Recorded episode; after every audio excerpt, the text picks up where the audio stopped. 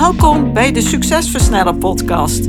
Mijn naam is Antoinette Nunes en met deze podcast help ik gedreven ondernemers om snelle, betere keuzes te maken voor bedrijfsgroei met meer vrijheid. In deze podcast deel ik tips, kennis en heb ik gesprekken met andere succesvolle ondernemers om jouw succes te versnellen, wat zorgt voor meer tijd, meer voldoening en meer winst. Let's go!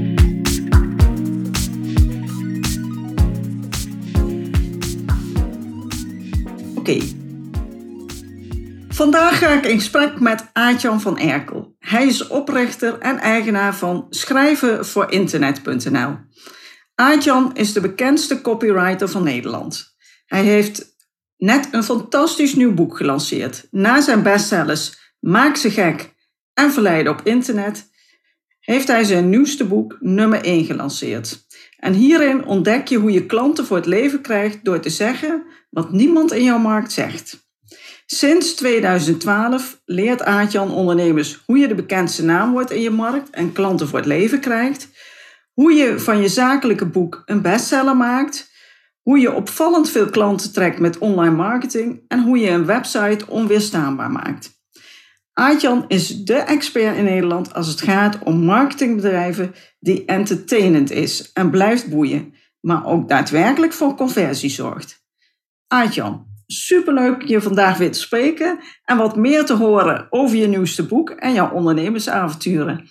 Heb je nog wat aan te vullen op de intro die ik zojuist heb gedaan? Ik vond het een hele mooie intro, uh, Antoinette. Dankjewel. En wat misschien leuk is om, uh, om te vermelden, uh, op het moment van opnemen, dus mijn boek is nu net een anderhalve week uit. Op het moment van opnemen van deze podcast staat hij ook op nummer 1 in de Management Book Top 100. Top. Dat wil ik natuurlijk graag even vermelden. Daar ben ik hartstikke trots op. Heb ook heel hard aan gewerkt. Ja, daar mag je ook trots op zijn. Dat is toch uh, wat je doet, hè? Als je een boek gaat schrijven. Schrijven is natuurlijk al een kleine bevalling. Maar uh, uiteindelijk wil je dat zoveel mogelijk mensen dat boek gaan lezen. Dus daarvoor moet je het een bestseller maken. Nou, dat lukt aardig blijkbaar. Ja, ik denk dat de meeste ondernemers die een boek schrijven het liefst inderdaad zoveel mogelijk bereik daarmee krijgen. Dus uh, ja, waarom zou je. Ik, vind het, ik denk altijd, ja, als je toch een boek schrijft, waarom zou je dan niet proberen om daar een bestseller van te maken? Ja. Dus dat is, daar, daar, daar train ik ook ondernemers in uh, om die reden. Ja. Ja. Ik begreep dat uh, op een bepaald moment in jouw business, toen ging het met de marketing wat minder. En dat heeft met name geleid voor de techniek die jij uitlegt in jouw nieuwste boek. Misschien kan je daar wat meer over vertellen. Ja, zeker. Ja, er, er zijn eigenlijk een paar aanleidingen geweest uh, om dit boek te schrijven. Eén daarvan is dat ik er op een gegeven moment in, ergens in een paar jaar geleden, 2017, achterkwam dat mijn marketing niet meer werkte. Dus ik had, op dat moment was ik, um, had ik één online training te verkopen. En ik had één manier om die training te verkopen. En dat was via webinars. Dus ik verkocht één training en ik had één manier om die te verkopen. En aanmeldingen via, voor die webinars die kreeg ik via Facebook advertenties. En dat heeft ongeveer anderhalf jaar heel goed gewerkt. Tonnen omzet gedraaid. Ook heel veel uitgegeven aan Facebook advertenties. En toen was het opeens klaar. Um, advertenties deden niet zo goed meer. Aanmeldingen voor het webinar kostten 15 euro per stuk. Uh, en het webinar converteerde ook niet zo goed meer. Dus mijn omzet. Uh, ook voor wat, veel ondernemers herkenbaar, denk ik inmiddels. Ja, inmiddels is dat. We zitten nu begin 2022 en dan. En, ja, we hebben inmiddels een heleboel ontwikkelingen gehad. Uh, onder andere op het Facebook-algoritme, het advertentieprogramma, die ervoor zorgen dat adverteren inderdaad in veel gevallen best wel duur is geworden. Ja. Maar um, ja, je ziet ook, ik zei al, er zijn een paar aanleidingen geweest voor dit boek. En dat is ook een van die dingen. Je ziet dat het lastiger is geworden om veel mensen te bereiken met je marketing. En dat heeft onder andere te maken met dus, nou ja, dat er meer mensen op het Facebook advertentieprogramma zitten. Daardoor wordt alles duurder. Maar ook dat uh, nou, bij, bij Facebook zijn ze natuurlijk heel fel op bepaalde onderwerpen. Alles wat met geld verdienen te maken heeft, daar uh, zijn ze heel scherp op. Daar zijn de advertentiekliks veel duurder voor. Maar je kunt er ook zomaar uitgekikt worden als je, als je bepaalde woorden of afbeeldingen gebruikt die ze niet bevallen. Dan kun je, kan je advertentie geblokkeerd worden. Maar ook nog veel breder dan dat, is het moeilijker geworden om mensen, veel mensen te bereiken met je marketing. Er is net bekend geworden dat Google Analytics misschien verboden wordt in Nederland, omdat de autoriteit persoonsgegevens daar onderzoek naar gestart is. In Europa speelt hetzelfde bij de Europese toezichthouder. Uh, vandaag was in het nieuws dat misschien Facebook zelfs, uh, inclusief Instagram en WhatsApp, wel zich terugtrekken uit Europa. Dat, is nog, dat is nog heel erg uh, te, afwachten. Maar ook vanwege ehm, het niet meer mogen uitwisselen van gegevens van gebruikers met Amerika. Komt allemaal door privacywetgeving.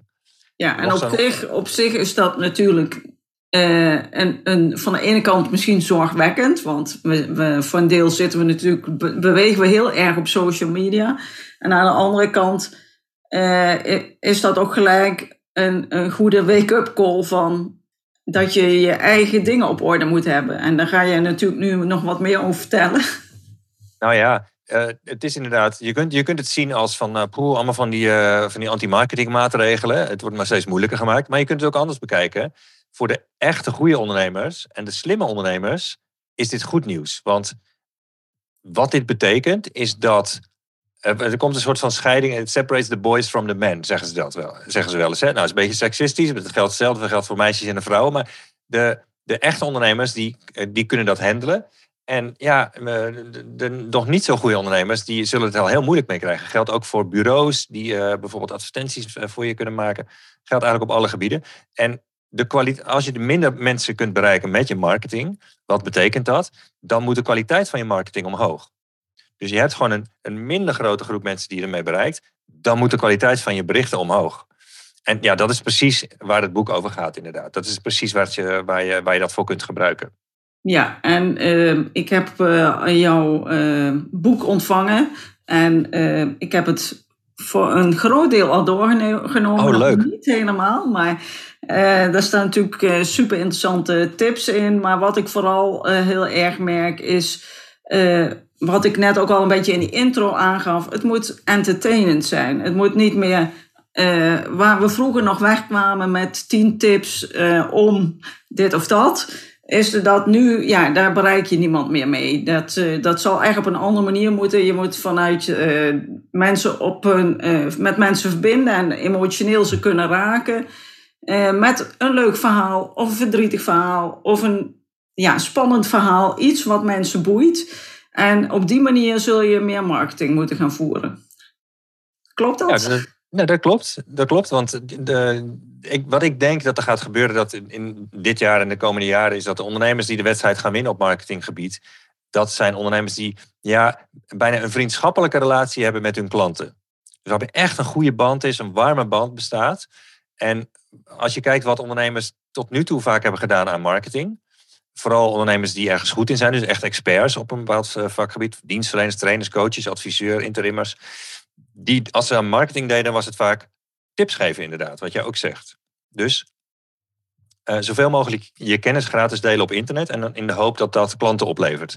Ja. En dat heeft, nou, tien jaar geleden was dat een hele slimme manier om marketing te doen, want toen was eigenlijk niemand nog tips aan het delen op internet. En uh, was het heel onderscheidend en werd je ook beloond door de, de, het zoekmachine-algoritme. Je kreeg bezoekers daarmee op je website. Het werd gedeeld op de socials. Nou, het was top. Inmiddels zijn we in 2022 en is in veel markten is iedereen bezig met het geven van tips. En je zou kunnen zeggen dat dat mainstream is geworden. Ik noem het de informatieinflatie. Ja. Dus je kunt zoveel gratis informatie vinden op internet. Of nou is in artikelvorm of in uh, hele goedkope online trainingen. Of gratis video's op YouTube over van alles en nog wat. Dus kennis is ja, een soort van uh, aan inflatie onderhevig. En als je gaat vergelijken van wie verdienen er nou meer geld. Zijn dat nou de teachers of de entertainers? Dus is dat uh, je, je lerares Duits van vroeger of is het Beyoncé? Dan is het verschil is wel duidelijk. Hè? En, en dat weten we eigenlijk ook allemaal al lang natuurlijk. Entertainers hebben een veel hogere uh, status, hebben veel hoger inkomen en hebben een veel hogere populariteit. En we denken ook vaak met een, met een onderdrukken van een geel terug aan docenten uit ons, uit ons leven van vroeger natuurlijk. Omdat ja, de meeste docenten daar, die vonden we gewoon saai. Ja. Dus waarom zou je jezelf dan opstellen als een teacher in je marketing en niet wat meer als een entertainer? Maar ja, dat is ook wel weer een kwaliteit.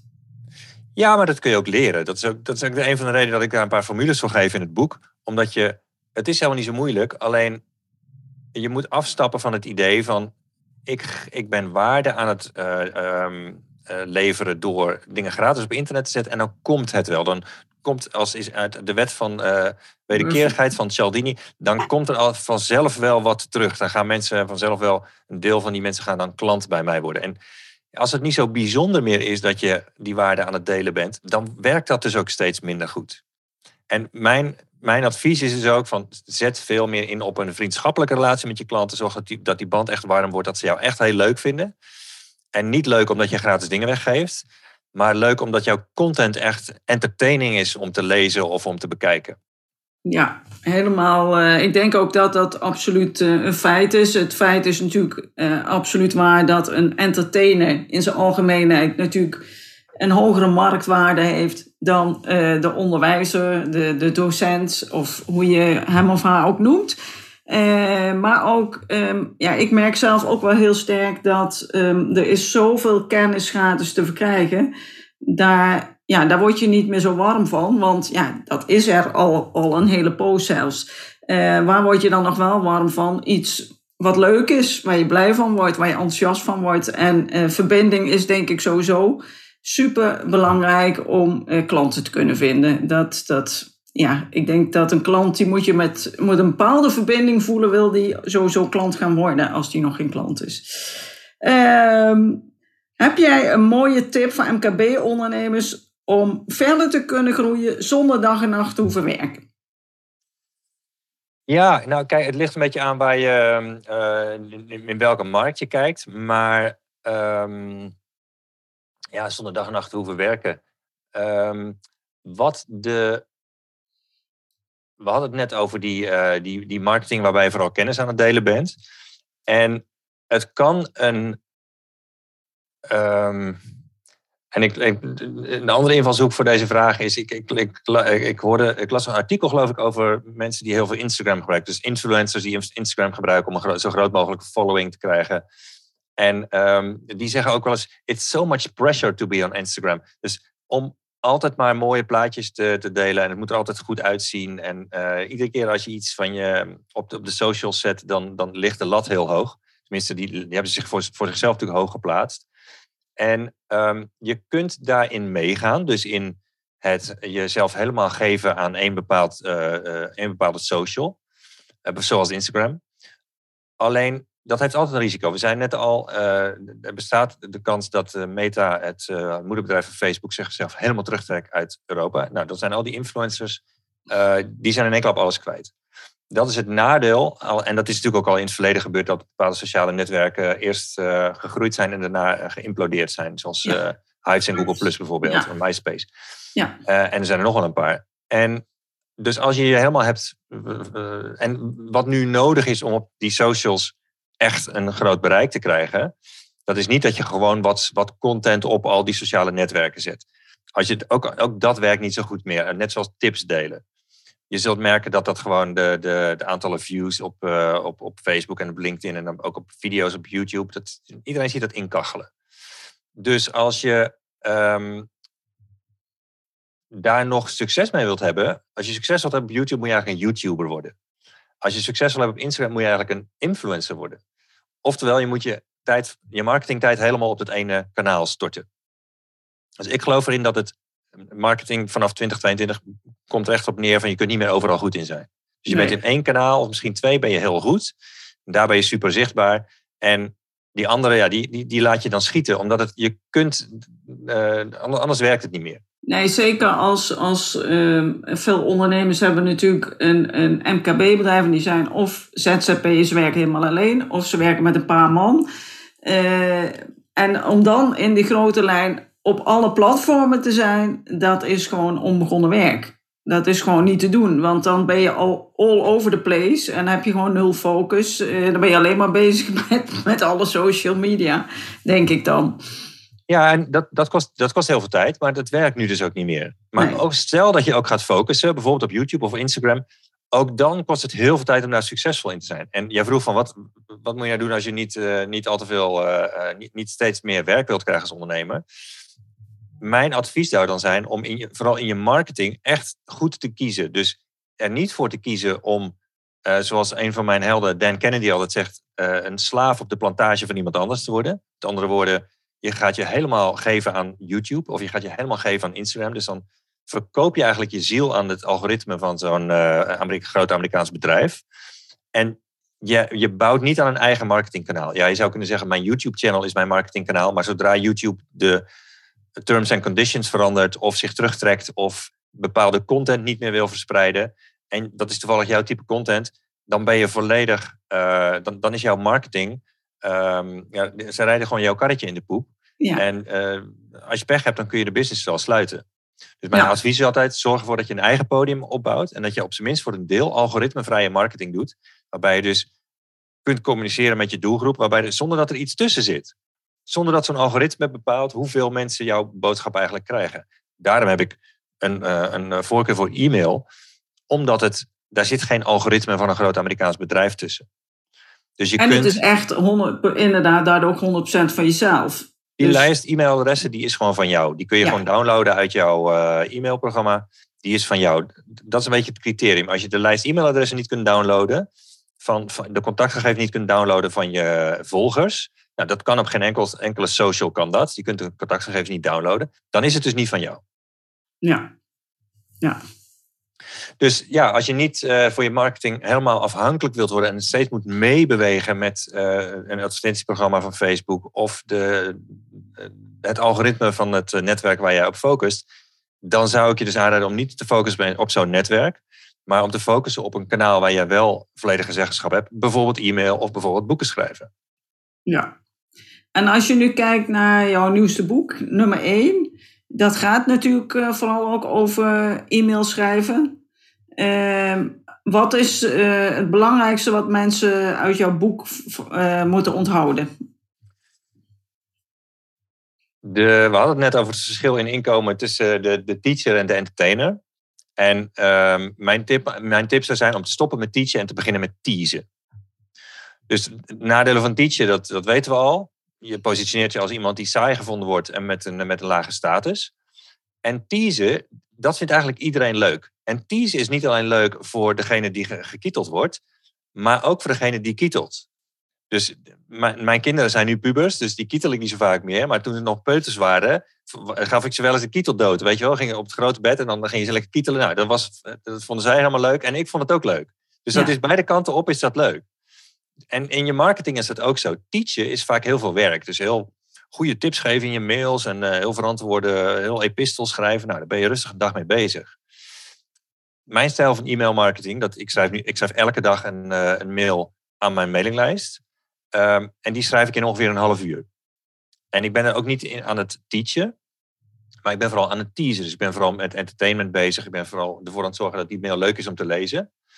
En um, niet om er zoveel mogelijk content in te stoppen. Niet om er zoveel mogelijk waarde in te stoppen. Alsof, ik, alsof mijn klanten iedere keer een, een, um, een, hele, een half seminar in een, in een e-mail willen ontvangen. Weet je, die we, hebben, we zien zo die volle inbox voor ons. En als iedere keer die mail van jou, als dat een heleboel werk eigenlijk is voor de lezer, ja, hoe vaak denk je dan dat ze dat graag willen lezen? Dat is niet zo vaak. Nee, nee. Dan, uh, dan willen ze het misschien wel lezen, maar dat gaan ze niet doen. Precies. Dus ja, dat is een belangrijke tip uit het boek: is te stoppen met uh, teachen en begin met teasen. Ja, zeker. En wat ik ook wel een mooie tip vond die ik in je boek uh, las, is. Uh, als je een zin schrijft, dan moet de, de zin uh, nieuwsgierigheid prikkelen om de volgende zin te lezen. En dat vond ik ook wel een hele ja, grappige uitdrukking, want zo had ik er eigenlijk zelf nog nooit naar gekeken. En, uh, ja, dus, en, en je hebt dan een soort van formule, want het begint met uh, je maakt iets mee in je leven, maakt niet uit wat. Daar moet enige emotie onder zitten, dus je vond het heel leuk of je vond het vervelend of, of spannend of wat dan ook. Dat, dat verwerk je in je, in je, in je nieuwsbrief. Dan uh, maak je een koppeling met een tip die je bijvoorbeeld hebt of iets wat je wilt delen. En uh, altijd een call to action. Zeg ik dat goed? Ja, dat zeg je heel goed. Ja, want je ziet eigenlijk dat als een ondernemer die een expert ergens in is, als hij een, een, een marketing gaat doen, dan gaat hij dus tips geven. En wat veel ondernemers hebben die dat al best wel lang doen, is dat ze een beetje marketingmoe worden. Dus dat ze denken van ja, wat moet ik nou nog in mijn mail zetten? Dus die weten gewoon niet zoveel onderwerpen meer. Die zeggen, ja, ik heb, ik heb alles wel een keer gezegd. En dat is ook logisch, hè? als je het al 10, 20 jaar doet. Ja, wat ga je dan elke keer weer zeggen? En de, de reden dat je marketing moe wordt, Dat is dat, dat je binnen de grenzen van je eigen vakgebied blijft. Als je denkt dat je, dat je het altijd over de inhoud moet hebben, dat, en dat is zo, als je dus altijd aan het teachen bent, ja, dan is het logisch om binnen de grenzen van jouw vakgebied te blijven. Want ja, dat is nou eenmaal eh, de dienst die jij verkoopt of het ding wat jij verkoopt. Alleen, dat hoeft helemaal niet. Dus ik heb een, een van de formules die ik geef in het boek is om te kunnen schrijven over eigenlijk waar je ook maar over wilt schrijven. Dus ook allerlei onderwerpen die compleet uh, irrelevant lijken, uh, die helemaal buiten je vakgebied liggen. En je, krijgt een complete vrijheid over je marketing. Ook complete creativiteit in je marketing. Want die ondernemers die marketing moe zijn, die hebben vaak ook, uh, komt, komt vaak ook doordat ze voelen dat ze niet zoveel creativiteit meer nodig hebben in hun marketing. En daarom vinden ze het ook veel minder leuk. Terwijl als je dus opeens over van alles en nog wat kunt schrijven, dan wordt het ook weer leuk om te doen. Dan is, het, dan is dat teasen ook opeens uh, is, de, is daar. Ik zou je een voorbeeld geven. Vandaag heb ik een mail gestuurd omdat ik afgelopen zaterdag was ik met mijn, met mijn zoon van 16 zaten op de tribune in uh, het stadion van FC Utrecht. Eindelijk weer na heel veel weken, want we hebben een seizoenkaart. En um, we stonden binnen, en dus ik vertel hoe die wedstrijd ging. Dat vertel ik in mijn, in mijn mail. Ik vertel, nou, we stonden binnen 11 minuten met 2-0 achter. En toen bracht de trainer een nieuwe spits in. En dat is Henk Veerman en die is 2 meter 1. Zo. En de, en de, andere spits die we hebben, dat is een Griekse jongen en die is ongeveer 1,38 meter. 38. Dus als die in het strafschopgebied, dan heeft hij altijd eh, weinig kopkracht. Nou, die nieuwe spits komt erin en hij werd al bij het warmlopen werd hij hartstochtelijk toegejuicht. Terwijl hij er nog geen minuut voor ons gespeeld had. Hij komt erin onder daverend applaus. En binnen, uh, binnen een half uur draait hij de hele wedstrijd om. Dus hij, uh, hij geeft een voorassist bij de, bij de 1-2. Bij de 2-2 is hij betrokken doordat hij heel veel onrust creëert in het strafschopgebied. En hij maakt zelf de 3-2. En hij was meteen een cultheld. En hoe komt dat nou? Dat komt niet alleen doordat hij die wedstrijd heeft omgedraaid, maar ook doordat het, door het verhaal wat er vooraf is verteld over hem. Namelijk, hij had een vriend, hij komt uit Volendam. En zijn beste vriend, of een goede vriend, die wilde altijd, net zoals hij, profvoetballer worden. En uh, hij was fan van FC Utrecht, dus hij wilde, zijn droom was FC Utrecht spelen. Toen die vriend erachter kwam dat zijn, dat zijn talent eigenlijk ontoereikend was om prof te worden, toen heeft hij uh, zichzelf van het leven beroofd. Oh. En Henk heeft toen met zijn ouders gesproken en uh, met hun, hun beloofd dat hij er alles aan zou doen om ooit in het, in het shirt van FC Utrecht te spelen om zijn vriend, hun zoon, te eren. Nou, dat is dus gelukt. En door dat hele verhaal wat erachter hangt, weet de aanhang van de club, weet, nou, die Henk, dat is een gouden gozer. Hè? Die wilde per se bij ons en heeft het al vaak geprobeerd, nu is het eindelijk gelukt. Dus nou ja, als je er dan in komt, heb je meteen gejuicht. Daarvan, ik legde het linkje naar ondernemerschap. Als jij um, zo'n positie hebt in jouw markt, dat mensen zo enthousiast zijn over jouw verhaal en alleen maar met jou willen werken. En al voordat, jij, voordat ze jou überhaupt hebben kennis gemaakt, uh, zijn, zijn ze je al aan het toejuichen. Dat is eigenlijk wat je wilt in je marketing. Ja. Dus wat je nodig hebt, is dat mensen zo over jou praten dat, dat, dat ze je eigenlijk heel graag zien komen overal. Nou, en dat, de link die ik leg is dat ik in, in mijn membership, het lab, geef ik deze maand een formule daarvoor. Dus om negen formules, copywriting formules, om je concurrenten irrelevant te maken. Um, en uh, dus ik, op die manier leg ik zeg maar een linkje van een schijnbaar irrelevant verhaaltje over iets wat op een, voetbal, in een voetbalstadion gebeurt, waar ik bij was, naar mijn business. Ondertussen vertel ik ook nog iets over mezelf. Want nou, ze, weten dan dat ik, dat ik uh, van voetbal hou en een fan ben van Utrecht. En dat ik een zoon heb van 16. Dat, dat, dat fiets je er dan eigenlijk ook automatisch in. Hè? En um, nou, dat, het is een onderhoudend verhaaltje. Er zit eigenlijk heel weinig teaching in. Het is veel meer een, uh, iets wat ik in het weekend gedaan heb. Ja. En uh, wij krijgen op dat soort, op dat soort mails hele goede reacties. Omdat je kunt dus buiten je vakgebied, dus buiten de grenzen van je vakgebied treden. En over, eigenlijk over van alles mails schrijven. Ik heb ook een, een kantoorkikker bijvoorbeeld. Dus een kikker die kan ik horen vanuit mijn kantoor als ik s morgens die dagelijkse e-mail schrijf. In het voorjaar heb ik een bruine kikker, die zit ergens in een uh, poeltje vlakbij mijn kantoorraam. En ik vertel regelmatig over mijn kikker en ik heb hem ook een naam gegeven. Het kan ook gaan over iets wat mijn oma vroeger zei. Het kan gaan over de familie Knots, wat een serie was waar ik vroeger graag naar keek als kind. Dat zijn allemaal onderwerpen van mails waar ik over heb geschreven. Ja. En ja, dat, dat, daarvan zou je kunnen denken, ja, dat is toch achterlijk. Je gaat toch niet in een serieuze B2B-mail een verhaaltje over de familie Knots vertellen? Nee, dat doen jouw saaie concurrenten ook allemaal niet. En die zouden ook allemaal zeggen van ja, je bent, je bent daar gek. Dat doe je toch niet? Dat is, dat is compleet irrelevant. Je maakt jezelf belachelijk. Maar onze klanten vinden dat heel leuk. En het is juist de saaiheid en de voorspelbaarheid van marketing die, die ze laat afhaken op de marketing van jouw saaie concurrenten. Ja, en ik moet uh, zeggen ook van, je zegt ons klanten vinden het heel leuk, maar het zijn niet alleen jouw klanten die dat leuk vinden. Want inmiddels heb je ook al zoveel ondernemers kunnen helpen, waarvan de klanten het ook allemaal heel leuk vinden. En ik denk dat het vooral zit in, uh, wij herkennen dat soort verhalen. Wij horen graag verhalen, verhalen zijn van alle tijden. En ja, als je iets herkent en daaronder komt dan het linkje met de business, dat maakt het juist alleen maar heel erg leuk, denk ik. Ja, en het voordeel is ook, het wordt niet ontvangen als marketing. Want de meeste van ons hebben een, marketing bullshit radar. Dus zodra een boodschap binnenkomt die die wij herkennen als marketing, wat doen we is, of of we moeten het heel erg interessant vinden, of, maar anders is het negeren en vergeten. Want we, we krijgen te veel marketingboodschappen. Dus als jij een marketingboodschap kunt uitsturen, die niet overkomt als marketing, waardoor die radar dus niet gaat piepen, dan kun je onder die marketing bullshit radar vliegen. En daarmee uh, ja, krijg je veel meer lezers. Mensen vinden het leuker om die mails te lezen. Ze openen ze vaker. En uh, ja, dat is, dat is het voordeel van op deze manier communiceren. Ja, nu uh, begrijp ik dat je al tien jaar ondernemer bent. Zeg ik dat goed? Ja, iets langer. De 13, 13, 14 jaar denk ik. Oh, nog iets langer, kijk. En heb jij misschien een uitdaging die je tijdens het ondernemen hebt ervaren waarvan je zegt, nou daar heb ik echt wel een les uit geleerd die ik graag wil delen vandaag? Ja, dat, dat, dat heeft eigenlijk vooral te maken ook met uh, wat je nou moet doen om genoeg klanten te krijgen. En hoe goed past dat bij jou? Ik, had, ik kom zelf uit een ondernemersfamilie. Dus mijn ouders die hadden een winkel. Die hadden zo'n decorettenwinkel. Ik weet niet of je dat nog weet. Het verf en behang en vloerbedekking en zo. Ja.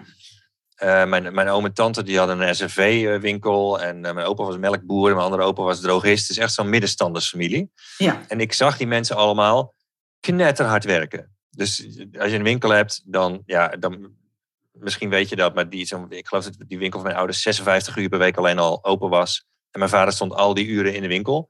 En dan moest de administratie nog gedaan worden. En dan moest de bestelling nog afgeleverd worden. En hij ging rolgordijnen ophangen. En nou ja, ik was gewend dat uh, als je ondernemer bent, dan, dan werk je jezelf, uh, dan werk je zelf de, de pleuren, zeg maar. Het hardste. Ja, dus de hele harde werkers waren het allemaal in, ja. in, mijn familie. Heel veel respect voor natuurlijk. Maar ik dacht ook van ja, ga ik dat zelf doen? Nou, ik dacht het toch niet. Dat, daar gaan we dus mooi niet aan beginnen. Dus ik dacht eerst van, ik ga wel in loondienst. En nou, dat heb ik een half jaar volgehouden na mijn studie. Nou ja, ik was toch wel redelijk unemployable, zeg maar. Dus het, zat toch wel in de gene dat ik eigenlijk uh, niet heel goed omging met autoriteit. En ook een vast ritme ging niet zo goed bij mij. En ook werken met random strangers, zeg maar, die, waar je dan een, uh, dat waren dan je collega's. Nou ja, dat, uh, dat ging soms goed, maar soms ook niet. Nee, dat was, dat was mijn ding niet. En ik dacht, oké, maar wat gaan we dan doen? Uh, ik wil um, op de een of andere manier meer vrijheid dan in, in, uh, in loondienst. Maar ja, zo'n winkel, dat, gaan we, dat gaat er niet worden. Dus het moest een, een, een beter verdienmodel worden. Nou, toen heb ik uiteindelijk na een aantal jaren dingen uitproberen, ben ik erachter gekomen dat je um, door ergens goed in te worden en daar kennis over te delen of daar in ieder geval marketing over te doen, um, dat ook de, daar de code van kunt kraken en dat aan anderen kunt gaan uitleggen. Ik noem het ook wel expertise marketing. Ja. Andere woorden, je gaat de, de, de, code die je ergens in gekraakt hebt, die ga je vervolgens verkopen aan, aan andere uh, mensen die dat ook willen kunnen, wat jij, wat jij hebt geleerd. En um, dat heeft het voordeel, zeker als je dat online doet, dus als je dat in de vorm van online producten doet. Met andere woorden, je maakt jezelf schaalbaar. Je, dus je, je, je gaat het niet iedere keer voor een groep staan uitleggen in een zaal, maar je, je, je neemt het op. En mensen kunnen dat in onbeperkte aantallen kunnen ze dat kopen. Dan krijg je een business die schaalbaar is. En je hoeft niet meer elke dag de auto in om het, om het weer ergens anders hetzelfde verhaal te gaan ophangen. Maar je moet vooral goede marketing doen om die digitale producten te verkopen. En nou, ik heb inmiddels ook een membership en een mastermind. En op verschillende manieren bied ik dat aan, dus niet alleen online. Um, maar het is wel allemaal met relatief beperkt gebruik van mijn tijd. Ja. Dus ik kan een, een, een business draaien met een hele goede omzet in minder tijd dan mijn ouders daar vroeger voor nodig hadden. Ik denk in ongeveer nou, 50 of 60 procent van de tijd. Uh, ik ik heb twee opgroeiende kinderen waar ik uh, genoeg tijd voor heb. We hebben, ik heb een hond waarmee ik elke dag in het bos ga lopen. Dus dat is een hele fijne manier om, een, om ondernemer te zijn, waarbij ik toch niet dezelfde ja, gevangenis zeg maar, heb gecreëerd voor mezelf als ik in, bij die middenstanders in mijn familie allemaal zag. En waarbij ik ook niet in loondienst hoef. Ja, nou ja, heel mooi uh, dat je dat benoemt. Want uh, ik werk veel met MKB-ondernemers. En uh, ja, veel MKB-ondernemers vinden het op een bepaald moment, vooral met de groei. Ze zijn ooit gestart, ze zijn de vakman, vakvrouw of de expert. En dat bedrijf groeit en uh, ze hebben eigenlijk overal verstand van en ze weten alles het beste. En op een gegeven moment betekent dat dat ze steeds meer vrije tijd in moeten leveren om een beetje gedaan te krijgen wat ze willen doen. En ze willen vaak veel meer doen, maar dat lukt al helemaal niet. En dan uh, zitten ze heel vaak ook nog in de ad hoc dingen, dus e-mails, in, in de vragen van personeelsleden, in uh, ja, alle, de agenda. Weet je wel, ze worden heel erg geleid door de waan van de dag. En uh, ja, dan hebben ze vaak die vraag, ja, hoe, hoe kom ik daar nu uit? En hoe zorg ik nou dat ik weer focus krijg? En uh, toevallig hoorde ik gisteren of zo ook ergens op YouTube of ergens van ehm, dat uh, de, uh, Carnegie, die was, is natuurlijk al heel lang geleden, die was heel snel eigenlijk succesvol. En er was nog in de tijd dat natuurlijk geen internet was. En daar kon je gewoon eigenlijk niet zo snel succesvol zijn. En wat hij als antwoord gaf waarom dat hij zo snel succesvol was, dat had met name te maken dat hij zich heel goed kon focussen. Dat hij echt kon focussen op één ding. Want als we met van alles bezig zijn, ja, dan, dan wordt het gewoon heel moeilijk. En die neiging is in deze tijd natuurlijk groter dan ooit, omdat er gewoon heel veel is en heel veel op ons afkomt. Ja. En hoe is het met jouw focus, Aadjan? Ja, slecht. Want uh, ja, ik, ben een, uh, ik heb nooit een diagnose ADD gehad, maar ik ben heel snel afgeleid en ik ben weinig gedisciplineerd. En ik heb veel creativiteit, maar weinig uh, discipline, weinig follow-through, zeg maar. Dus focus vind ik een heel interessant onderwerp. Um, omdat ik die, ja, ik ben al jaren bezig om die te proberen te verbeteren. Bijvoorbeeld ook bij het schrijven van zo'n boek. Ja, daar heb je wel focus voor nodig. Dus het is, ja. anders komt die er nooit natuurlijk. Dus je zult jezelf op de een of andere manier in situaties moeten brengen waar, je, waar dingen die afleiden er niet zijn. En waarbij dingen die jou in focus brengen er wel zijn. Ja. En een van de dingen is, um, die bij mij bij het schrijven van het boek bijvoorbeeld goed gewerkt heeft, is om buiten de deur in koffietenten te gaan werken. Oké. Okay, ja. Dus dat was veel. De, de, de, de, piek van het werk aan het boek was, was deze, deze zomer, deze, deze herfst, zeg maar, uh, maanden, ja, zeg maar, juli, augustus, september zo. En uh, die heb ik, daarbij heb ik mijn schrijfdagen eigenlijk altijd in koffietenten gedaan. Dus wat ik deed, ik ging dan in een, in een, zo'n koffietent zitten. Ik had de koptelefoon op, zodat ik uh, niet de gesprekken kon verstaan om me heen. En ik bestelde altijd twee drankjes tegelijk, zodat ik echt eventjes een tijdje daar kon blijven zitten. Meestal wilde ik ongeveer een uur tijd. Daar kocht ik eigenlijk gewoon een uur tijd mee. Doe mij maar een cappuccino en een spa rood. Dat was altijd de bestelling. Op een gegeven moment, sommige tenten zetten ze dat al voor me neer als ik binnenkwam. Want ze wisten dat ik altijd hetzelfde bestelde. En na ongeveer een uur, anderhalf uur, dan pakte ik mijn spullen weer in. En dan ging ik naar de volgende koffietent. En uh, bestelde ik daar een cafeïnevrije cappuccino. Dat wel, want anders wordt het een beetje veel. Maar dan, soms deed ik wel zes koffietenten op één dag. Want ik, het geroezemoes en een beetje reuring om me heen, dat zorgde ervoor dat ik aan het werk bleef. Iets in mij zei dan waarschijnlijk tegen mij van, jij moet wel, ze moeten wel zien dat je aan het werk bent. Zo'n soort uh, sociale wenselijkheid of prikkel of zo was er denk ik uh, in mijn onderbewuste, waardoor ik daardoor beter ging concentreren. Ja. Beter dan wanneer ik thuis uh, alleen in mijn uh, rustige kantoor, waar het op zich heel stil is. Ik heb ook een, waar ik nu zit, is een is kantoor buitenshuis, waar ik uh, in alle stilte, zonder dat iemand me ooit stoort, kan zitten. Um, alleen soms helpt dat mij niet om te concentreren. Nee, want dan, dat heeft waarschijnlijk te maken met de afleiding van je gedachten. Ja, je moet inderdaad, om, om, om te focussen, heb je nodig dat je allerlei dingen die je afleiden, dat je die kunt elimineren. En het is makkelijker voor mij om persoonlijk om dat te doen wanneer ik niet in een omgeving zit waarin ik nog een, een hele uh, inbox erbij heb of uh, de socials of uh, mensen die gaan mij zitten appen en daar ga ik op reageren of op Slack met mijn team. Nou, als ik dat allemaal uitzet en ik ga in een koffietent zitten en ik zet de wifi niet aan ja. van die koffietent, ja. zodat ik ook ik laat mijn telefoon thuis, dan kan ik beter focussen. En door het geroezemoes ben ik ook um, uh, beter geconcentreerd dan wanneer ik zelf in mijn kantoor zou zitten. Ja, ja. ja, ik herken dat wel in de zin van, ehm, het, het, blijkt ook als we bijvoorbeeld wandelen en uh, een gesprek voeren, dat we beter geconcentreerd zijn dan dat we alleen een gesprek voeren. Omdat ons brein vaak sneller gaat dan wanneer we praten of en, uh, als we aan het typen zijn. Mhm. En dan komen er dus weer nieuwe impulsen binnen die je afleiden. Dus dat, uh, daar hebben we sowieso mee te maken. Ja, een heel interessant boek eh, daarbij, daarover is trouwens eh, Focus aan uit van Mark Tichelaar. Ja. ja. Dat is ook een van mijn cursisten in de, in de training over het schrijven van een bestseller. Hij heeft een heel goed boek over focus geschreven. Echt interessant. Zeker. Ik heb het gelezen en absoluut heel goed boek. Moet ik echt onderstrepen. Ja. Uh, hoe belangrijk vind je jouw productiviteit? Ja, wat denk je? Anders was ik niet zo geïnteresseerd in focus. Ik, ik wil natuurlijk graag dat er ja, om dezelfde tijd een nieuw boek komt, dat ik uh, goed kan focussen op wat, wat mijn klanten nodig hebben. Dus ja, dat is een heel belangrijk onderwerp. Ja, ja. ja, ja ik, ik heb vraag een membership waar ik elke maand een, een aflevering van, van, van maak. Nou, daar heb ik ook productiviteit voor nodig. Ja. ja. En ik denk, jij zei net, ja, ik vind het toch moeilijk om te focussen. Maar aan de andere kant denk ik dat je toch, toch wel een bepaalde kwaliteit hebt en een bepaalde discipline. Want je hebt toch, je, je stuurt iedere dag een mail. Dus je hebt de discipline om iedere dag een half uurtje te schrijven en, en, en te zorgen dat die mail weer verstuurd wordt. Je hebt toch al een derde boek geschreven. Ja, dat vraagt toch een stukje discipline en, en focus, anders zou dat niet lukken. Dus... Ja, alleen bij mij is het zo dat het alleen maar lukt omdat ik het uh, te leuk vind om het niet te doen. Dus ook omdat ik niet, niet zoveel aan het teachen ben en niet van die gorddroge boeken schrijf en ook geen hele saaie mails vol met tips meer schrijf uh, vind ik het heel leuk om te doen. Dus dat is dat, dat kietelen, zeg maar. Het is leuk voor de ontvanger, maar ook voor de, voor de gever, zeg maar. Jaren geleden was ik nog wel aan het teachen. Dus ik heb jarenlang gewoon altijd tips in mijn mails verstuurd. En ook maar één keer in de week gemaild. En um, dat werk begon ik op een gegeven moment zo saai te vinden...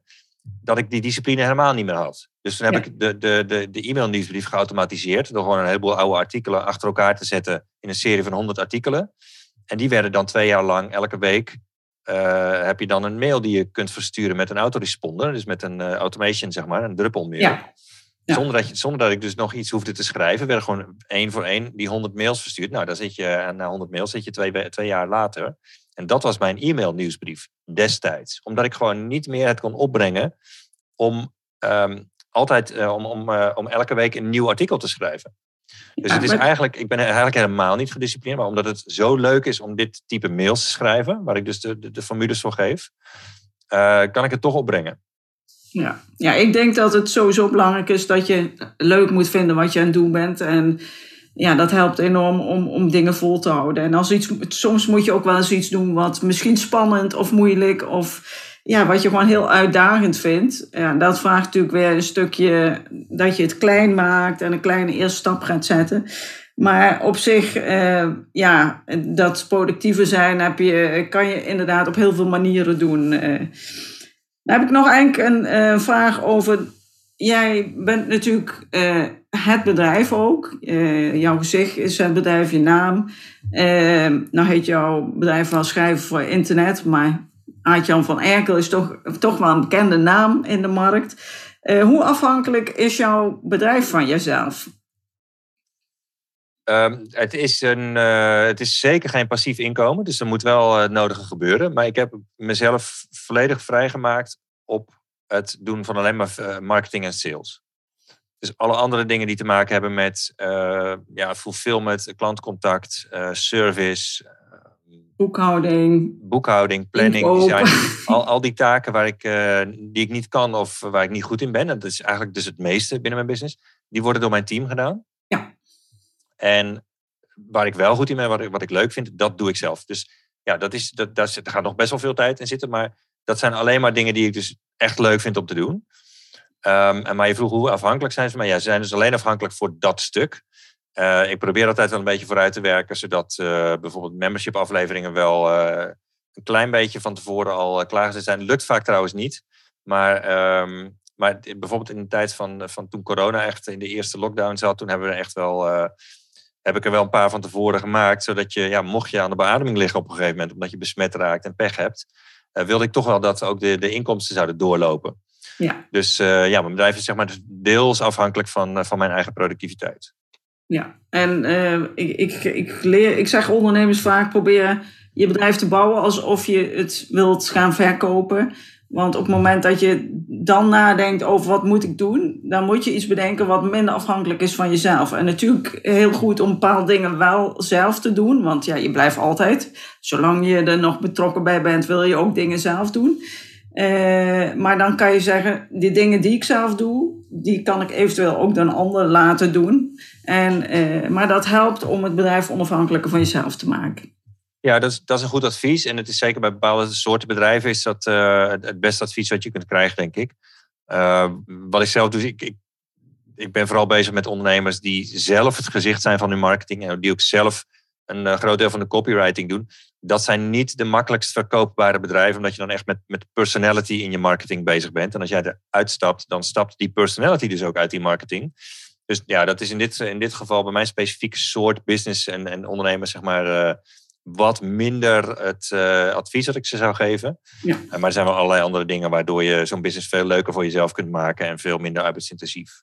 Ja, en dat is toch een doel op zich, denk ik. Het leuk houden en uh, niet al je tijd. Natuurlijk, je bedrijf is je passie, dus je doet dat ook graag. Maar zorg dat het leuk blijft en dat je niet al je vrije tijd opoffert. Ja, ik, ik hou toch inderdaad die, die middenstanders in mijn familie en die melkboeren. En die, uh, mijn, mijn opa die had, die had een, uh, een trouwring. En daar, die is, mijn, mijn, mijn moeder die draagt die nog. De, de trouwringen van haar vader en van haar moeder heeft ze één ring van laten maken. Maar die van haar vader is veel dunner dan die van haar moeder. Want die, die hij liep altijd te, krauwen, te sjouwen met melkkratten. Weet je, van die zware kratten met glazen melkflessen. Ja, dat slijt...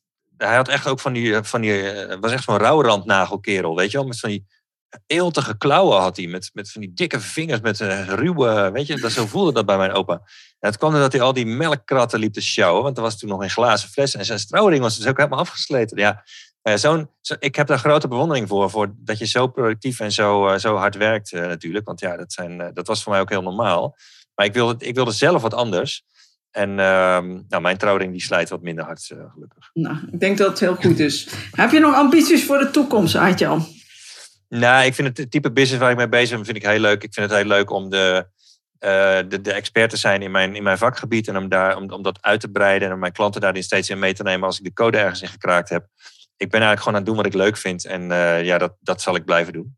Nou, vooral volhouden, zou ik zeggen. Dankjewel voor de mooie tips die je gedeeld hebt. Het mooie verhaal. Mooi, uh, ja, alles wat je gedeeld hebt. Ik denk dat het waardevol is. Dus uh, dankjewel. Graag gedaan. Dank je voor de uitnodiging, Antoinette. Graag gedaan ook. Bedankt voor het luisteren naar deze aflevering van de Succes Versnellen podcast.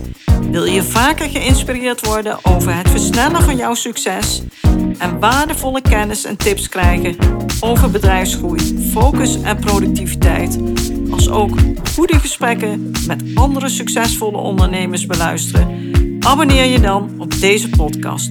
Je ontvangt dan een berichtje als er een nieuwe aflevering voor je klaarstaat.